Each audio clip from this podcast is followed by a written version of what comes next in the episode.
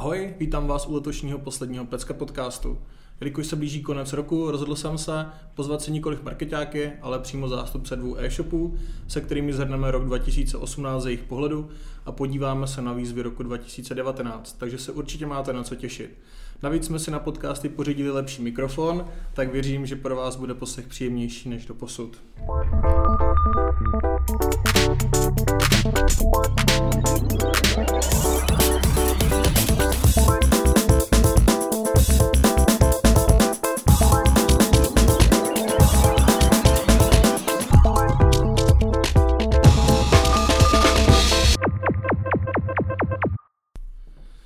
Předtím, než začneme, bych vás rád pozval na stránky vzdělávej.se, kde najdete unikátní sbírku know zaměřenou na e-commerce. Jsou zde záznamy podcastů, přednášek a další vzdělávací materiály, který tým kola Mindry Fáborského, toho asi znáte, neustále doplňuje.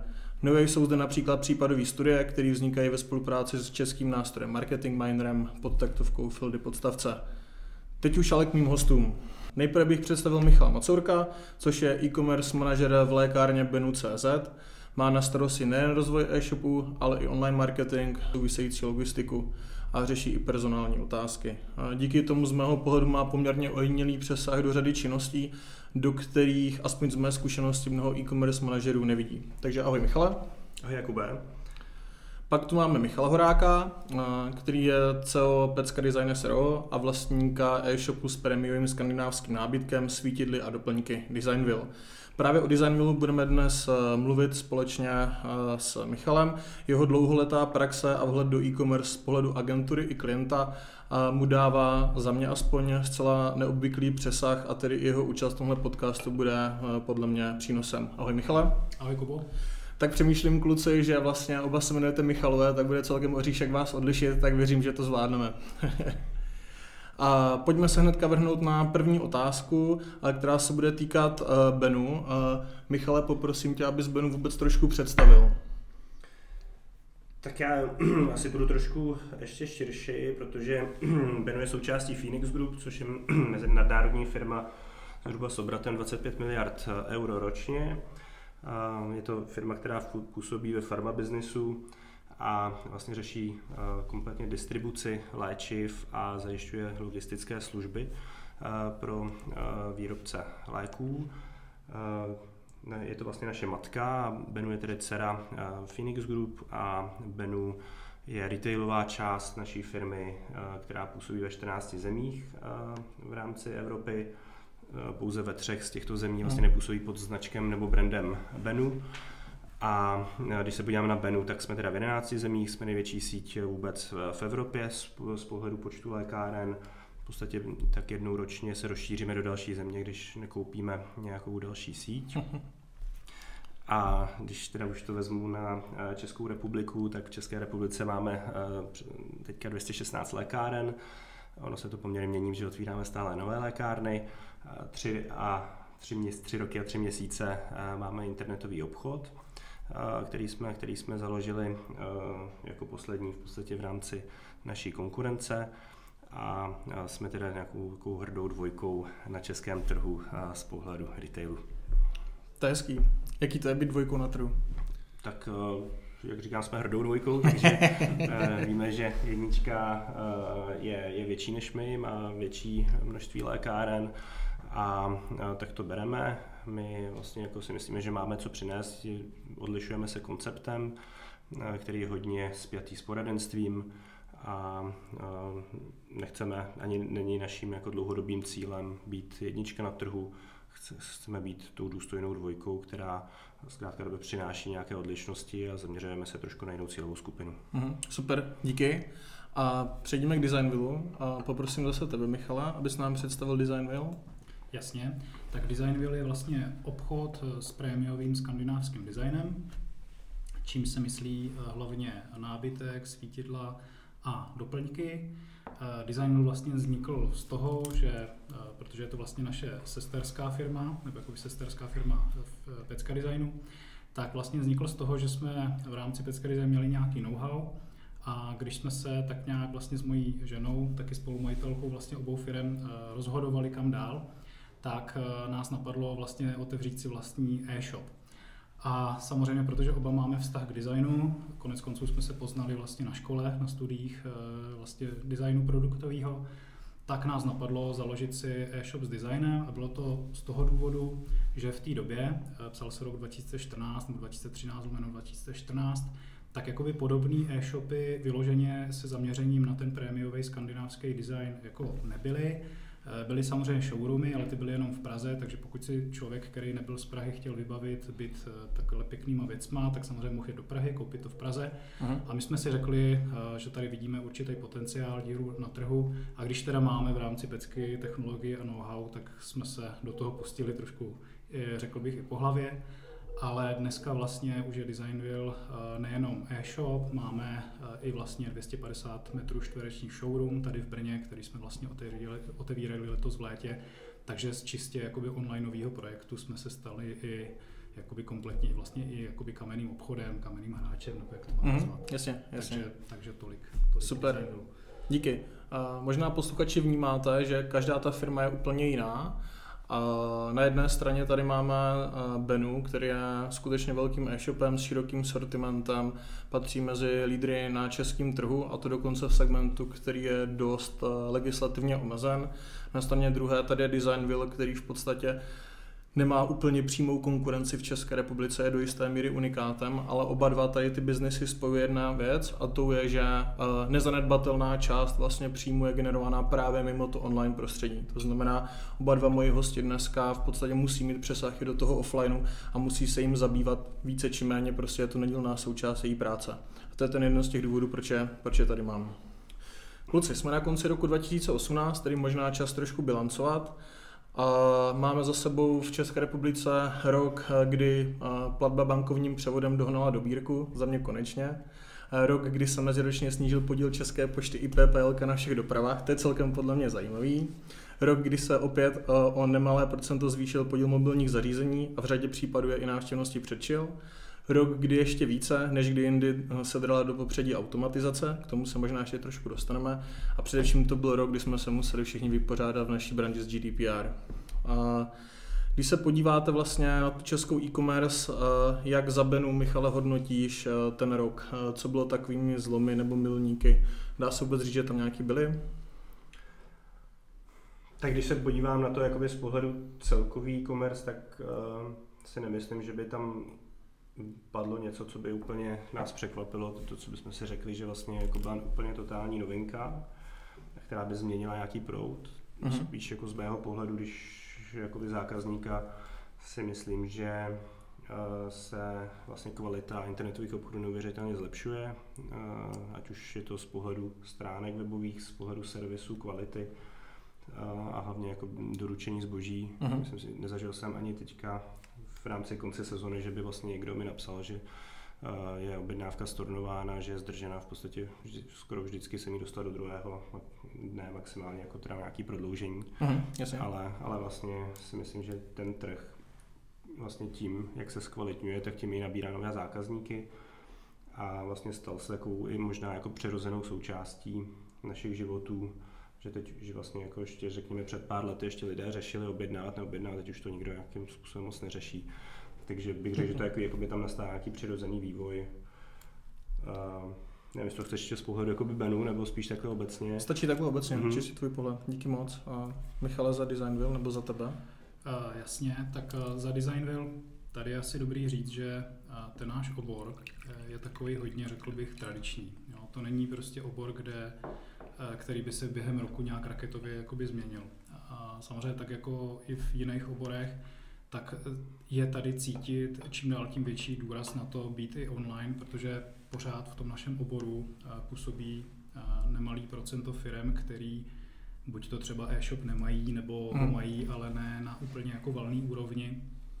Takže samozřejmě i, i tady je cítit jako tlak na to, aby i tyhle ty značky a všechny firmy vlastně byly online a fungovaly fungoval ten prodej prostě v onlineu. Ono to asi souvisí s tím, že eh, spousta lidí pořád si jakoby myslí, že já nevím, třeba pohovku je potřeba vidět, jo? což asi jako chápu, je to většinou asi docela dražší věc, ale fakt se ukazuje, že i v oboru nábytku a podobně se prostě ty lidi čím dál tím víc častěji prostě koukají online a nebojí se kupovat i hodně drahé věci prostě online bez toho, aniž bych je Eh, fyzicky jakoby viděli. Aha. Samozřejmě jako pro nás nikdy eh, ta otázka nestála jenom tak, že budeme e-shop. My jsme od začátku, byť jsme jako vznikali jako online, eh, vlastně online jakoby firma, tak jsme věděli, že ten showroom někdy být musíme už jenom vlastně kvůli značkám, protože pokud máte showroom, tak ty značky vás, jako by ti dodavatele, myslím, tak vás berou prostě úplně jinak. A naopak jsou tady prostě dodavatele, který pokud ten showroom nemáte, tak se s vámi vůbec jakoby nebaví. Uh-huh, uh-huh. To, což jenom zase jakoby dokladuje, jak je opravdu ten obor hodně, hodně tradiční. Jinak takovým těm obecným trendům, tak samozřejmě řešili jsme GDPR, tyhle ty věci. Mě třeba osobně potěšilo eh, to rozhodnutí ústavního soudu, kdy už nemusíme mít v e-shopu EET. Takže to mi udělalo radost a to jsme, to jsme posléze odstranili. Takže tolik asi k nějakým trendům. Aha. Eh, když se vrátím ještě na chvilku k Benu, a jak složitý eh, pro lékárnu bylo vůbec jako vyřešit veškeré požadavky kolem GDPR, protože předpokládám, že to je dost odlišný oproti klasickému e-shopu. tak tady zaznělo, že nábytkářství je konzervativní obor, tak já si myslím, že my jsme ještě konzervativnější Aha. a, a vůbec hlavně jako bez přesahu do onlineu.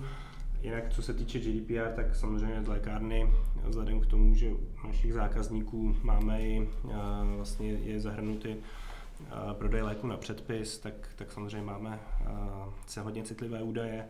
Uh-huh. Patříme do té skupiny, která vlastně je vůbec brána jako nejcitlivější obor podnikání z pohledu GDPR, takže taky k tomu jsme takto přistoupili a v podstatě jsme se řídili veškerými doporučeními, eh, které jsme eh, měli v rámci legislativy a které vlastně nám připravili naši právníci.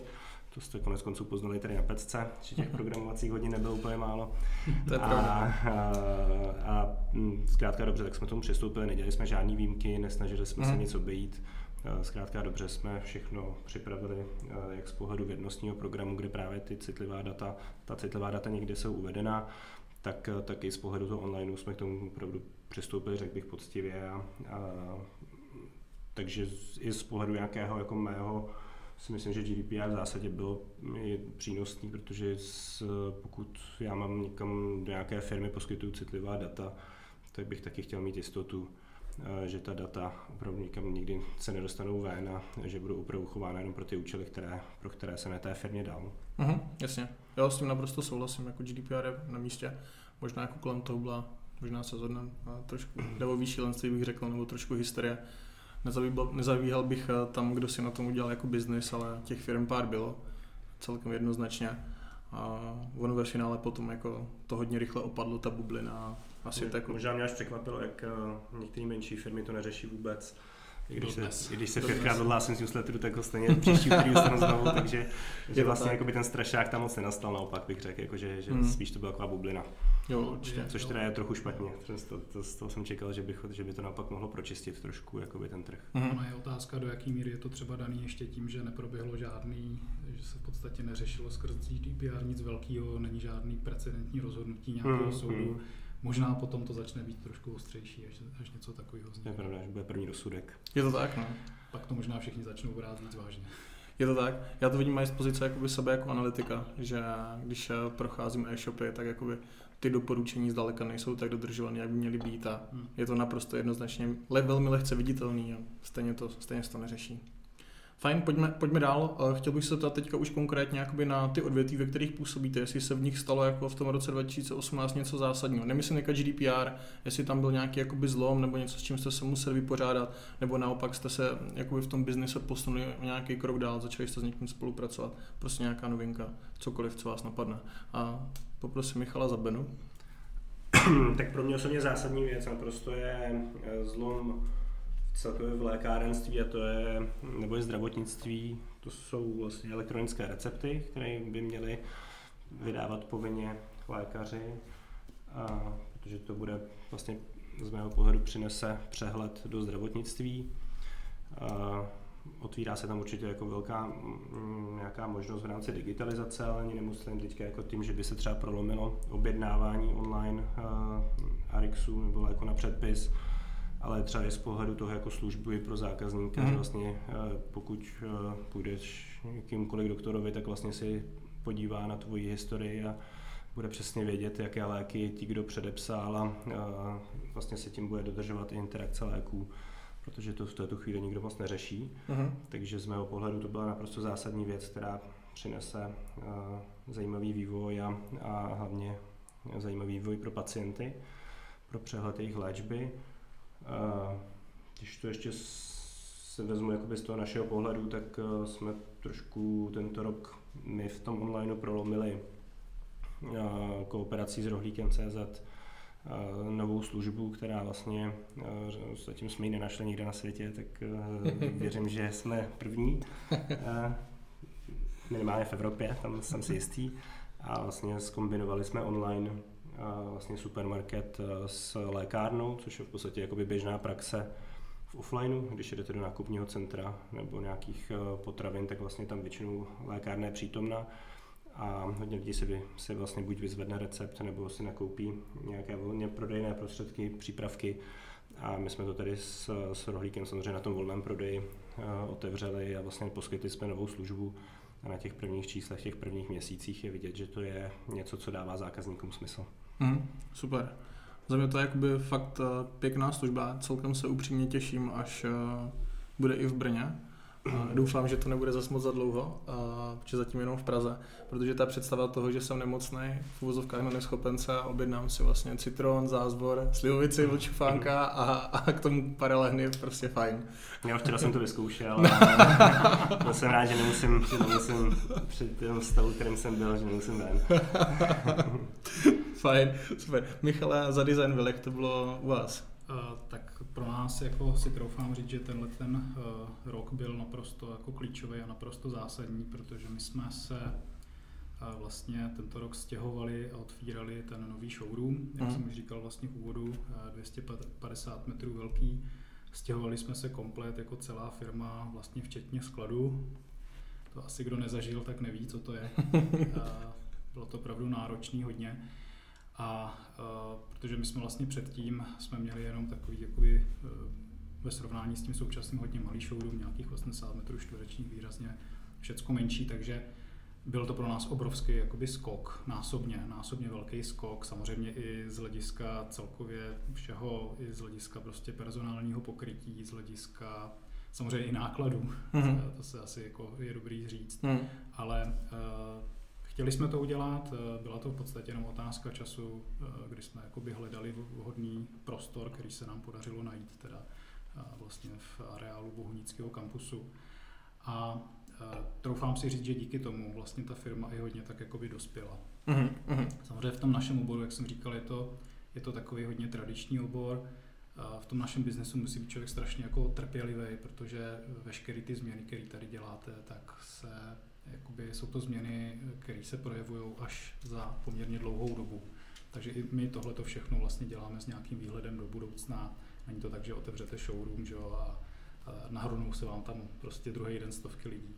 Ale děláme to prostě s tím, aby ta značka měla nějakou sílu, aby jsme byli prostě, že aby jsme byli nějaký základ v podstatě velký a aby opravdu i to místo bylo jako hodně pěkný, aby abychom byli prostě zajímavým partnerem pro architekty, designové studia a podobně, což je samozřejmě taková, taky pro nás velmi významná cílovka. Mm-hmm. Takže jednoznačně tady tohleto. Mm. Kolik teďka Designville má vlastně zaměstnanců? Momentálně, jestli dobře počítám, je nás 11, takže mm-hmm. poměrně, poměrně ještě pořád třeba ne úplně moc, nicméně e, před nějakým rokem nás bylo pět, takže teď jsme trošku povyskočili. To teda, to teda.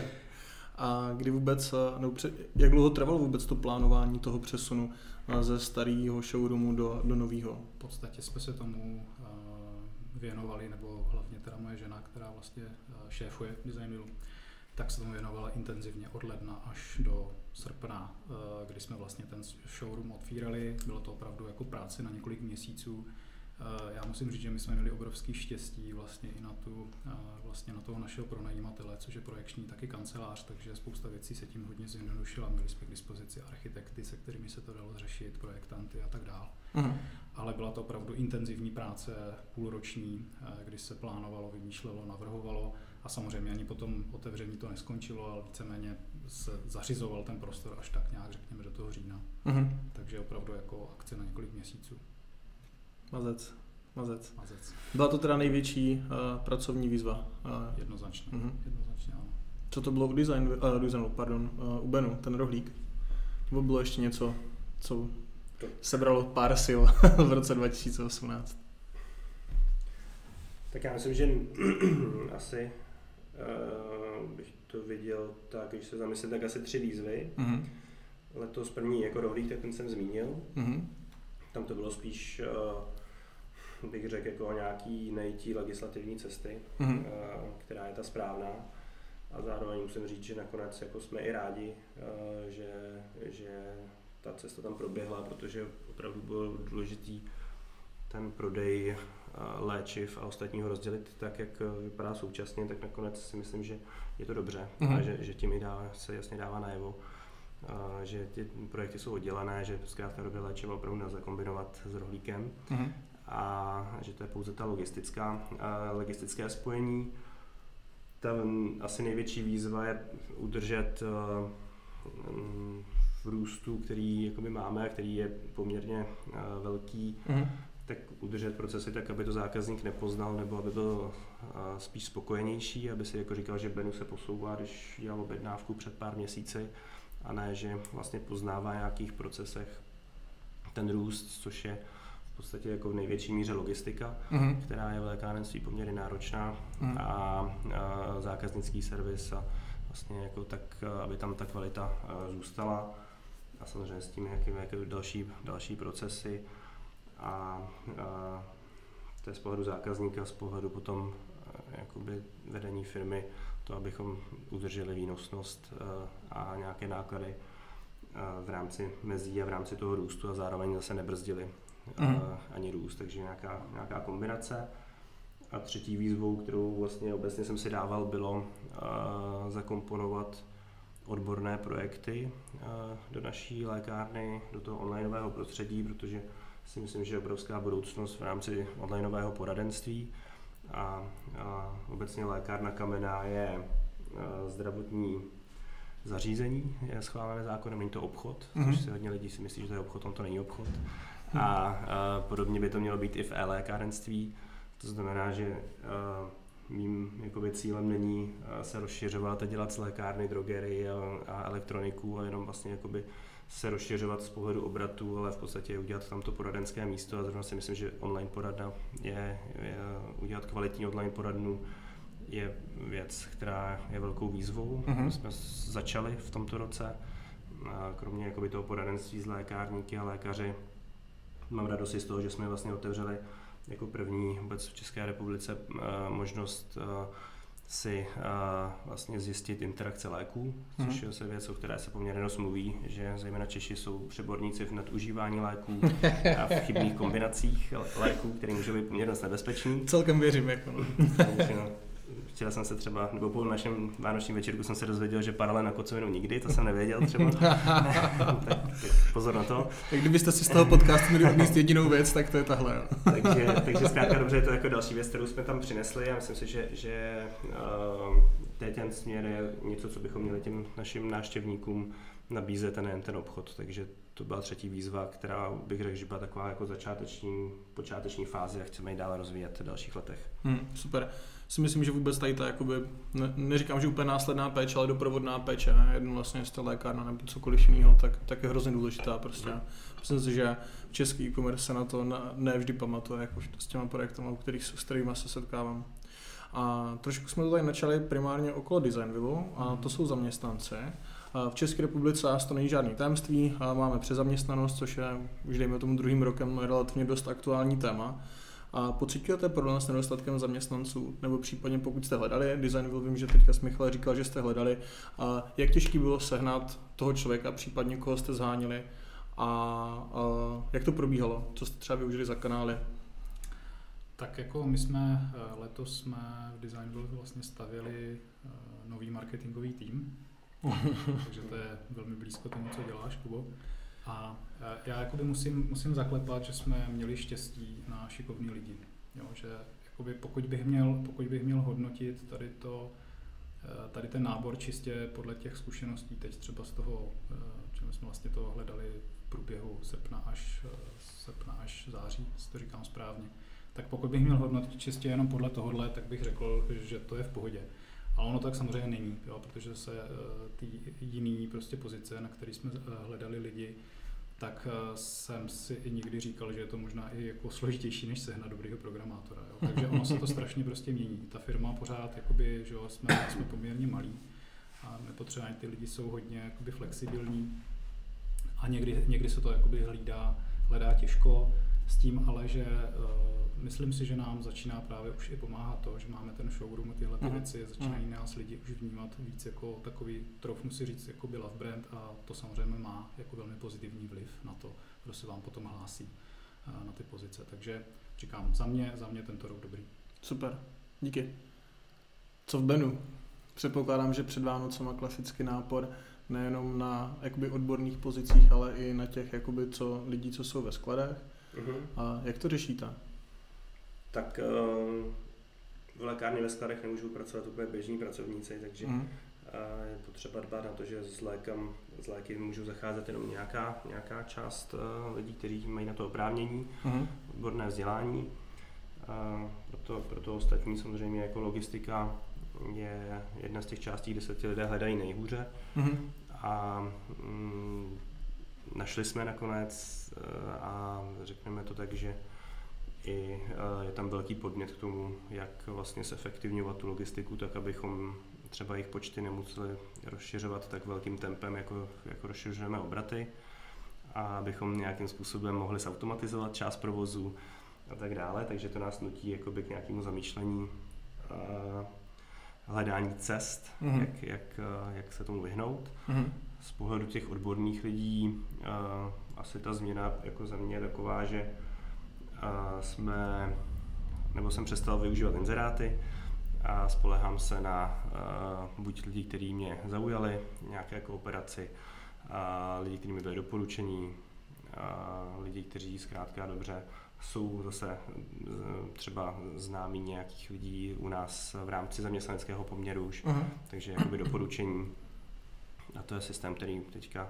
využívám a který se nám osvědčuje, že většinou potom víme, a ten člověk lépe víme, o jakého člověka jde, lépe nám zapadá do týmu a v podstatě bych řekl, že u těchto lidí potom 100% úspěšnost je jejich adaptace. Mm-hmm. Takže to asi jakoby pro mě to je jakoby změna, že už nevyužívám na tyto pozice vlastně inzeráty. Jasně. Design využívá inzeráty, nebo stačí to dát, když to řeknu jednoduše, na web a oni se ozvou? Jako myslíš personálně? Personálně. Mm-hmm. My v podstatě lidi zatím hledáme pouze na sociálních sítích, to znamená, vystavíme, vystavíme nějaký inzerát na našem webu, nazdílíme to, samozřejmě uděláme tam nějaký třeba sponsoring s nějakým jako zacílením na Brno a okolí. A jak jsem tady říkal, ono to trošku souvisí s tím, co děláme. My, my teda musím říct, že pokud bych nepočítal sebe, tak design role je ryze dámská záležitost.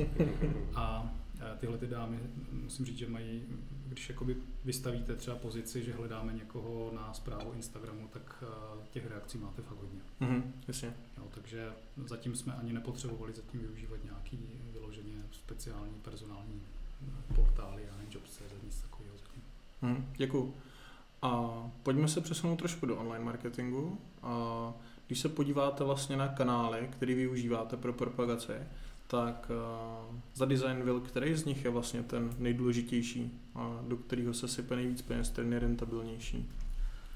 Tak jakoby určitě uh, my si uvědomujeme v našem oboru, že, že to, co, to, co děláme my, tak to se prostě prodává nebo nakupuje očima, takže pro nás jsou zásadní ty, řekněme, vizuální sociální sítě, Instagram, samozřejmě Facebook.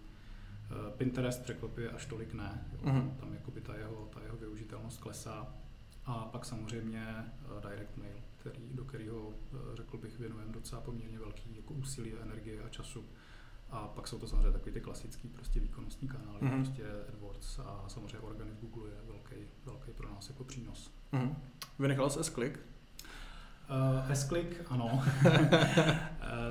Ten jsem trošku vynechal, ale je to samozřejmě zase, je to daný tím naším oborem. Prostě většina našich zákazníků se pohybuje v rámci Google, je to, je to asi dobrý říct.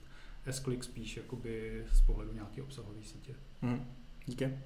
Jak je to v Benu? Tak pro nás, řekněme, tím klíčovým výkonnostním kanálem je Google, Uh-huh.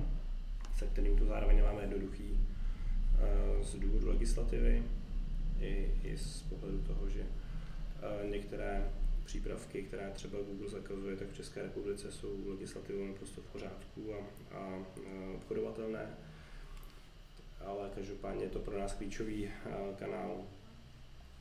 A řekl bych, jako, že potom je pro nás hodně důležitý brand, který řešíme uh, intenzivně, kterému se věnujeme. Za poslední tři roky jsme udělali obrovský pokrok mm. jakoby v rámci jen online, ale celkové firmy Benu. Ta její známost je dneska patří je k 80%, uh, což jsme byli na nějakých uh, 40% před těmi pár lety, takže opravdu jsme udělali velký pokrok a, a samozřejmě návštěvnost potom brandová, organická nám to začíná se řekněme vracet, začíná se nám to vyplácet, ty investice do toho brandu.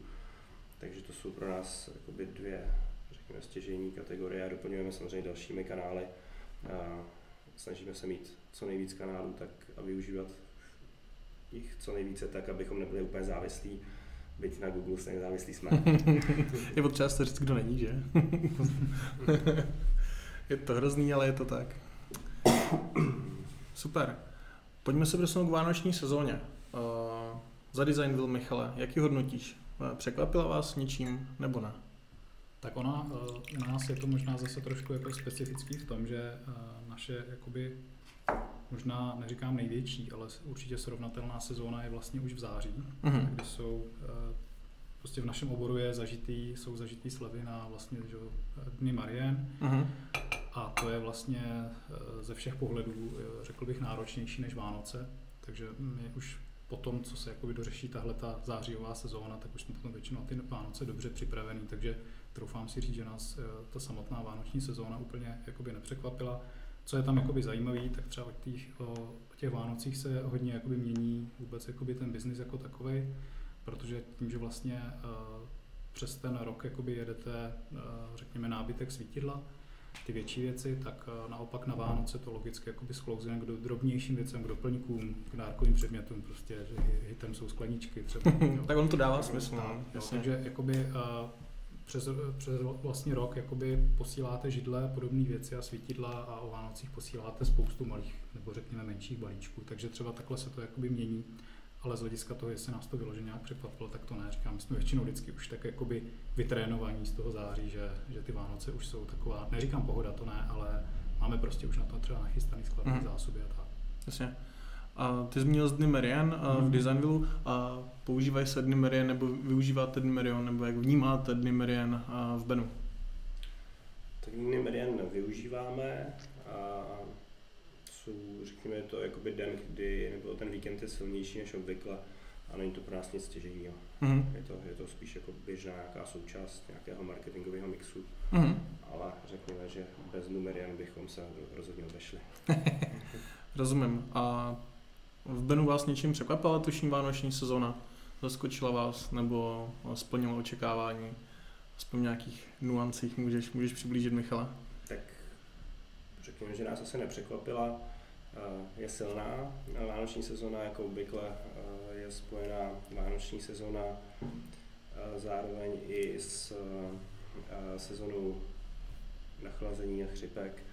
To znamená, je to o to intenzivnější a zároveň ještě v kamenných lékárnách zpětý s tím, že lékaři vlastně nepracují, často mají dovolenou, před Vánoci, nebo po Vánocích spíš, takže eh, vlastně eh, lidé vlastně dobírají všechny možné recepty, aby se zásobili. Takže samozřejmě ta sezona je hodně, hodně silná, pro nás náročná z pohledu front, eh, které jsou na lékárnách, snažíme se odbavovat co nejrychleji. Z toho pohledu onlineového je to, je to hodně podobné. A máme, máme tam ty dvě sezony dohromady a, a takže je to náročné období, na které jsme připraveni, připraveni a které zkrátka dobře nám přináší největší obraty v roce.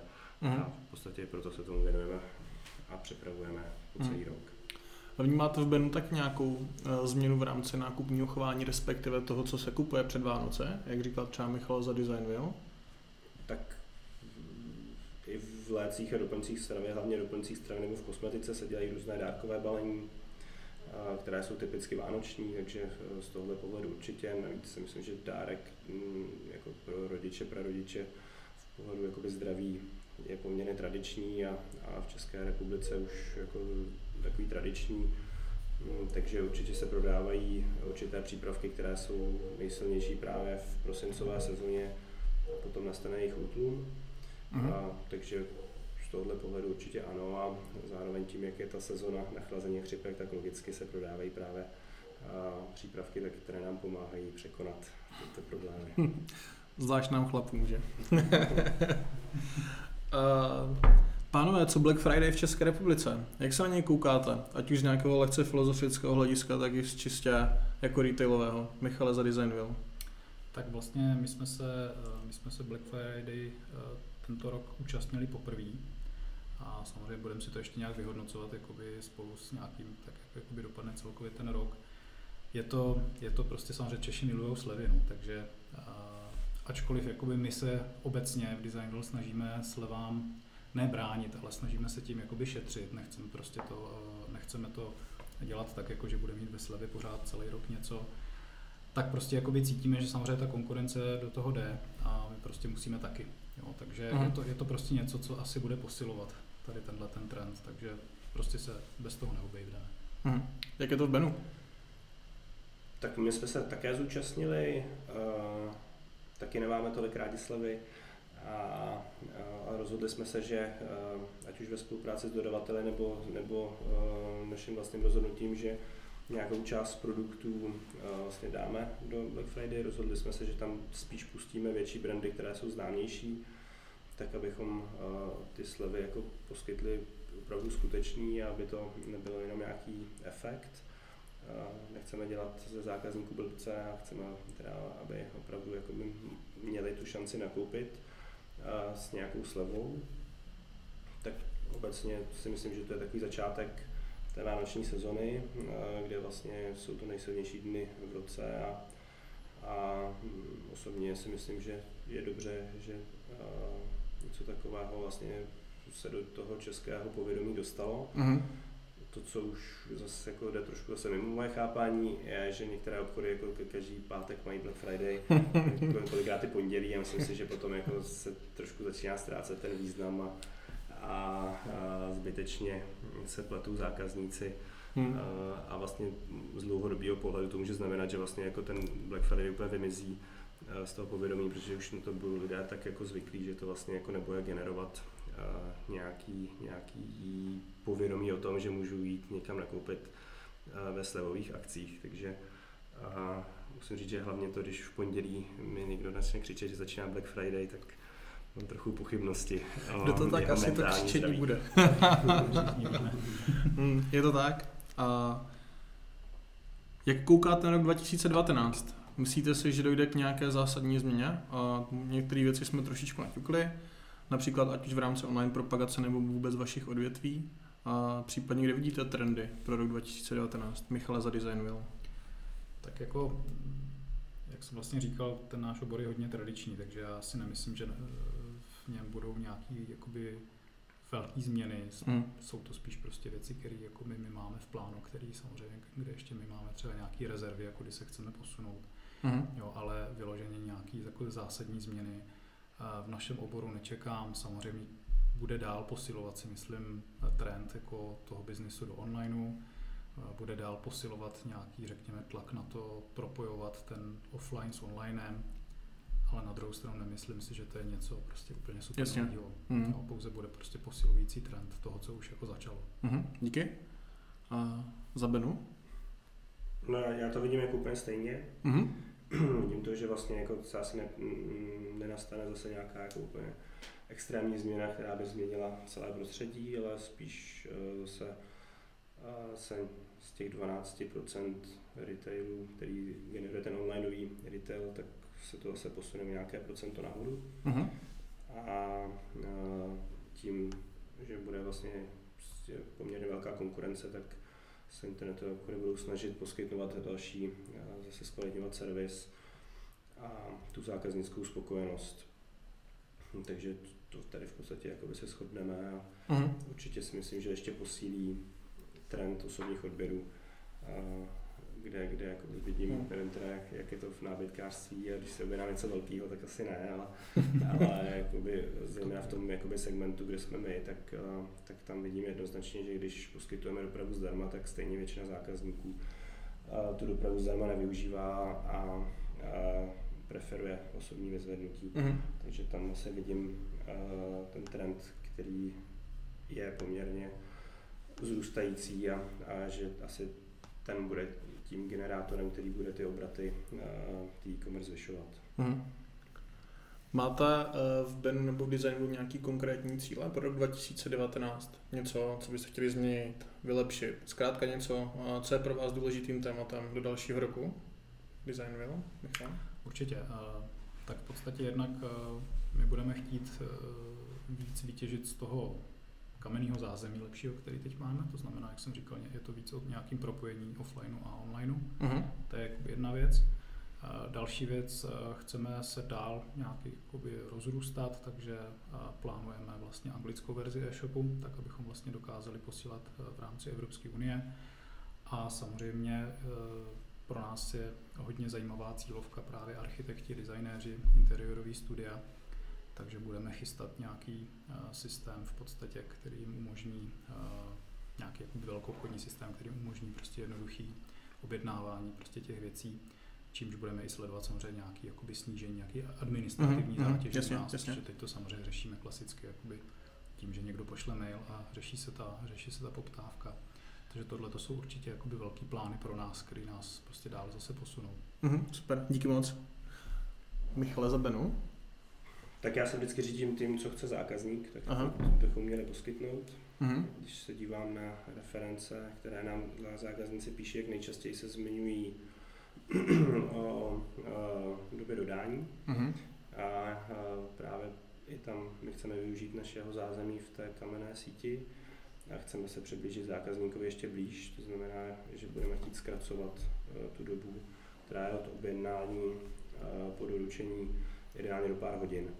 Uh, takže to je jeden z velkých cílů příští rok, to znamená opět hm, ty dva kanály online a offline propojit, protože si myslím, že za pár let se nikdo nebude ptát, co je offline a co je online, zkrátka, že to bude nějaká samozřejmost, že to tak funguje.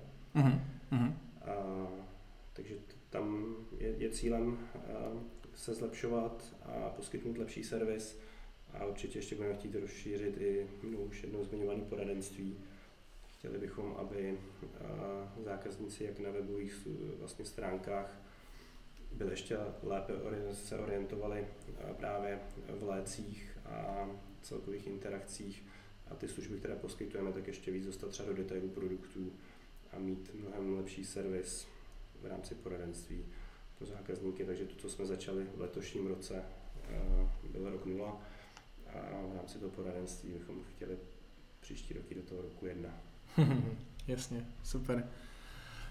To je za nás eh, všechno. Eh, já Michalovi za Designville i Michalovi za Benu děkuji za předvánoční povídání, takový lehce filozofický na odlehčení. A, takže díky kluci. Díky. Taky děkujeme.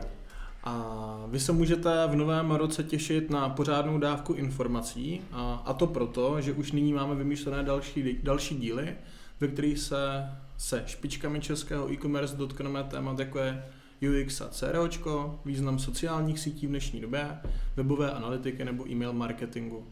Závěrem bych vám rád popřál pohodové vánoční svátky, nepracujte, věnujte se rodinám a kamarádům a v plné síle hned po novém roce. Ahoj!